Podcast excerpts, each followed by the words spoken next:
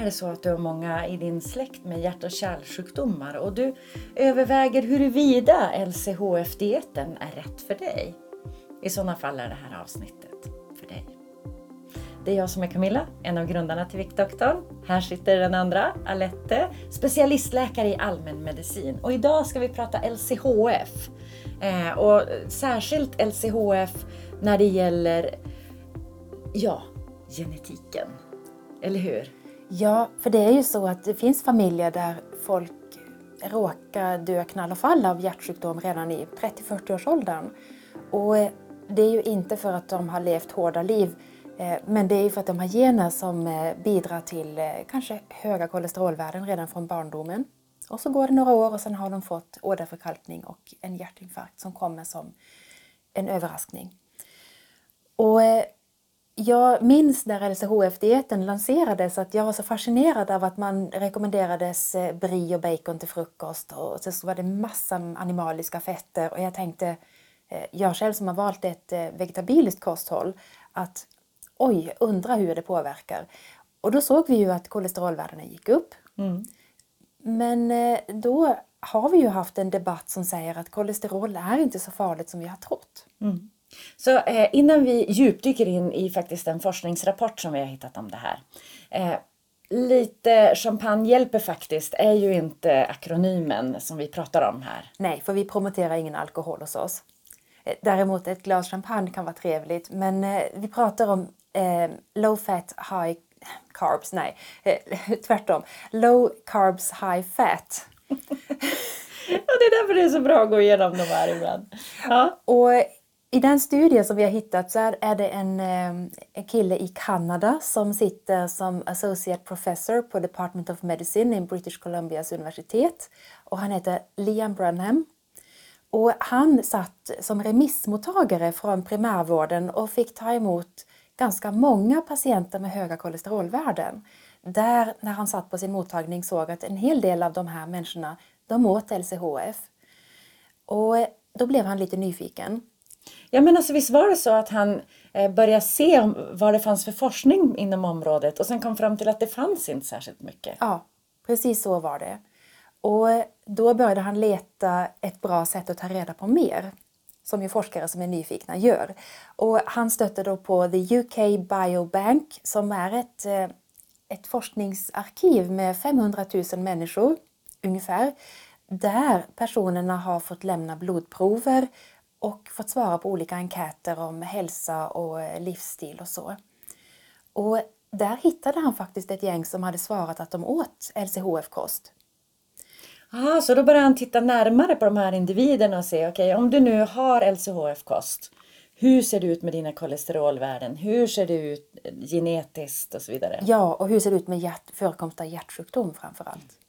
Och då tycker jag att gruppen har haft en ganska bred LCHF-tanke ehm, ehm, för de, de, har inte den max 10% kolhydrater som en del LCHF-are gör utan de sträckte det till max 25% av energin fick komma från kolhydrater och mer än 45% skulle komma från fett.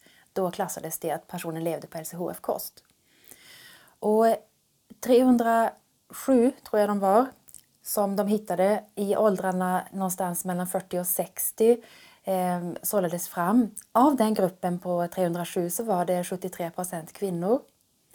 Och sen tittade man på jämförbara personer som åt normalkost och så matchade man dessa för ålder och kön. Och då matchade man inte en mot en utan man tog en fyra gånger så stor grupp i kontrollgruppen. Det vill säga de som åt normal, så kallad normalkost. Mm. Och sen så tittade man på eh, kolesterolvärden och hälsa och följde den här gruppen i nästan 12 år. Det är en ganska lång studie. Alltså att, att följa någon i, i 12 år. Jag tror egentligen att de snabbspolade. På vilket sätt? För att de hade samlat in de här uppgifterna kanske för 12 år sedan. Jo, jo, men jag menar när man har data från 12 år, ja. då blir det rätt säkra data. Ja. Signifikansen blir hög. Ja, det är en trestjärnig signifikans på p-värdena i den här studien och det innebär för dig som inte kan statistik att eh, chansen att det skulle vara en tillfällighet är en på tusen. Mm. Och eh, samtidigt så är detta en observationsstudie, vilket alltså innebär att man ser möjliga samband, men det är inte så att de här sambanden med säkerhet går att bevisa. Eh, men det är ändå en väldigt spännande studie för att när man ja. Ja, och när man då tittade på vad har hänt, då såg man ju högre kolesterolvärden för LDL, som alltså är det dåliga kolesterolet, i gruppen människor som åt LCHF, där några stack ut och hade riktigt rejält höga värden. Och där tror jag är de som har en genetik för detta. Mm. Visste de om att de hade så här höga kolesterolvärden? Eller blev det ett resultat av studien? Eh, det tror jag att de visste. Eh, för att försökspersoner där man samlar in värden från dem, de informeras ju. Vi har hittat det här, eh, prata med din husläkare och så vidare. Eh, när man då tittade på den grupp som hade höga kolesterolvärden så var de fördelade både i normalkost, så kallad, och LCHF-kost. Det som är så spännande är att det var ju skillnad på hur ofta de drabbades av hjärtsjukdom. Och hade den skillnaden någonting att göra med hereditet, alltså ärftligheten? Eller hade den mer att göra med vad de gick på för kost? Det var nog säkert lite både och. Um, för vi vet ju att kroppen producerar eget kolesterol. Så att om du försöker leva helt utan mättade fetter i din kosthållning så kommer du ha ett lägre kolesterol men du kommer ändå ha det kolesterol som du är predisponerad genetiskt att ha.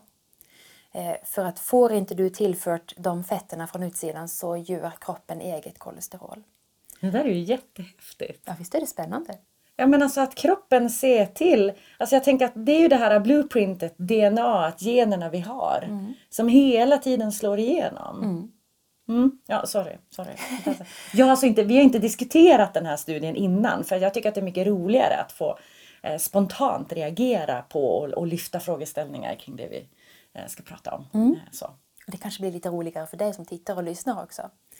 Och när man då tittade på materialet så såg man att de som hade högt LDL de hade också höga värden av apolipoprotein B som är en transportartikel för LDL. Som alltså höga värden är förenat med en ökad hjärtrisk.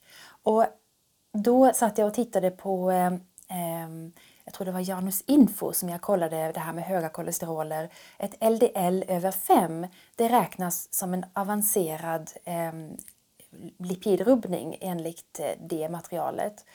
Där man ser en ökad risk för åderförkalkning och det är det som ökar risken för hjärtinfarkt, för kärlkrampssjukdom, för stroke, för aortadissektion och liknande. Och det här är ju allvarliga sjukdomar. En stroke kan gå jättebra vid tidig vård kan också bli rena rama katastrofen. Mm. Och sluta med död. Mm. En aortadissektion det innebär alltså att din buk, kroppspulsåder i buken börjar rämna inifrån. Och det är dödligt inom ganska få timmar om man inte får snabb och adekvat vård. Ja, men jag tänker hela buken måste ju bada i blod om det händer. Ja, alltså det, det sker saker som dels beroende på hur det går till men om den dissekerar, alltså att, att um, kärlväggarna går sönder på fel sätt så kan det alltså strypa blodflödet till njurar och, och lev, lever och, och eh, tarmpaket och massa dåliga saker. Men det kan också worst case bli som du säger att det rent av rämnar. Mm. Går att behandla om man får snabbvård. Men poängen är den att höga kolesterolvärden har en ökad koppling till åderförkalkning och det kopplat till fel genetik och kopplat till inflammatoriska processer och även levnadsvanor som högt alkoholbruk och bristande träning och nikotinbruk kan då leda till hjärt-kärlsjukdom. Och jag blev lite förvånad när jag läste studien. För jag räknade med att de skulle hitta att alla som hade riktigt höga kolesteroler skulle ha samma risk för hjärt-kärlsjukdom. Tror du det var så? Nej, inte när du säger sådär. När du säger sådär, då tror jag att det är skillnad på vilken diet de går på. Ja, och det tycker jag är så spännande. Och jag är lite ledsen på att de inte förklarar varför det är en sån skillnad. Okej, okay. eh, nu kan ju vi andra då vara ganska säkra på att LCHF-dieten hade sämre eller större sannolikhet mm. att få hjärt-kärlsjukdomar. Tyvärr. Tyvärr Hur mycket så. mer? Ja, eh, risken för att drabbas av en kärlhändelse, en allvarlig kärlhändelse, eh, med LDL över 5 och samtidigt LCHF-diet, den var 6,7 gånger högre jämfört med den grupp som åt normalkost och hade ett LDL som var max 3,5. Och det var alltså den här gruppen man jämförde mot. Tittar man då på dem i normalkostgruppen som hade LDL över 5 så löpte de också en högre risk för att få en allvarlig hjärt-kärlhändelse. Men den risken var bara 1,9 gånger högre. Så det är alltså tre gånger farligare, ish, om du har genetisk predisposition, alltså att om du har eh, ärftlighet för hjärt och kärlsjukdomar, att eh, få utslag för det om man också går på en LCHF-diet enligt den här observationsstudien. Eh, den slutsatsen har de inte dragit, men det är ju en spekulation man kan, kan fundera på. Mm. Och, eh, jag har ju suttit med många människor och ställt frågan har du kärlsjukdom i familjen? Och så säger de ja, den och den och den och den och den. Och den. Och då blir det en följdfråga för mig att säga men hur lever du ditt liv? Röker du? Ja, det gör jag. Ja, men sluta med det om du tänker leva. Och det händer ju att folk har slutat röka för jag har sagt åt dem att göra det. Men det är sällsynt att det faktiskt händer. Men lika viktigt som att faktiskt sluta röka det är ju att börja träna. För att vara inaktiv är i stort sett lika farligt som att röka. Och när man tränar då minskar man ju inflammationen i kroppen, man ökar bra saker som insulinkänslighet, man ökar muskelmassa vilket är suveränt. Men man ökar ju också belastningen på hjärtpumpen och eh, lungorna när man tränar och det får man ju tillbaka för att man stärker ju de här organen då. Ja, och det vi säger är inte så här, nu måste du gå in på ett gym och börja lyfta tunga vikter, utan vi säger rör på dig. Alltså det finns ju jättemånga träna hemma med din egen kroppsviktprogram som du kan bara söka upp på Youtube om du vill ha någon coach som hjälper dig. Eller bara gå ut och gå. Alltså ja. det låter så himla banalt men det vet ju alla att om man går och så går man på ordentligt. Dels så svettas man så att man får upp pulsen. Eh, dels så blir man starkare i kroppen bara av att använda muskulaturen. Mm. Och vi gillar ju trädgård båda två. Ja. Så har man möjlighet att vara ute i en trädgård, rensa lite ogräs, gräva lite, klippa lite kvistar. Allt sånt blir också träning. Ja, och så en enkel sak som att välja trappan framför rulltrappan. Mm. Eller städa hemma. Ja, det var jätteroligt. Vi hade någon så här inspelning med Rebecca som ju också är crossfit-instruktör, level 2. Eh, och hon sa det, nej men alltså städning är jättebra träning. Alltså tänk dig bara, du går med dammsugare eller du skurar golv eller du torkar, eh, plockar undan, det blir tunga lyft och så vidare. Och, och det är sånt där um, att, att aktivera sig i vardagen. Ja, väldigt, väldigt bra. På tal om det, jag satte faktiskt igång vår robotdammsugare innan jag åkte till dig nu. Räknas det som träning? Nej. Synd. Jag försöker få henne att träna mer. Ja, mm. och jag är på gång. Jag var mm. ute och sprang häromdagen och jag är mm. lika förvånad över att jag faktiskt gjorde det som att jag klarade att göra det. För att jag, i och med min kraftiga övervikt och sjukdomen fetma för så hade jag begränsningar där. Mm. Och poängen i den här eh, lilla podden det är ju inte att alla ska sluta LCHF om de älskar det och det passar för dem.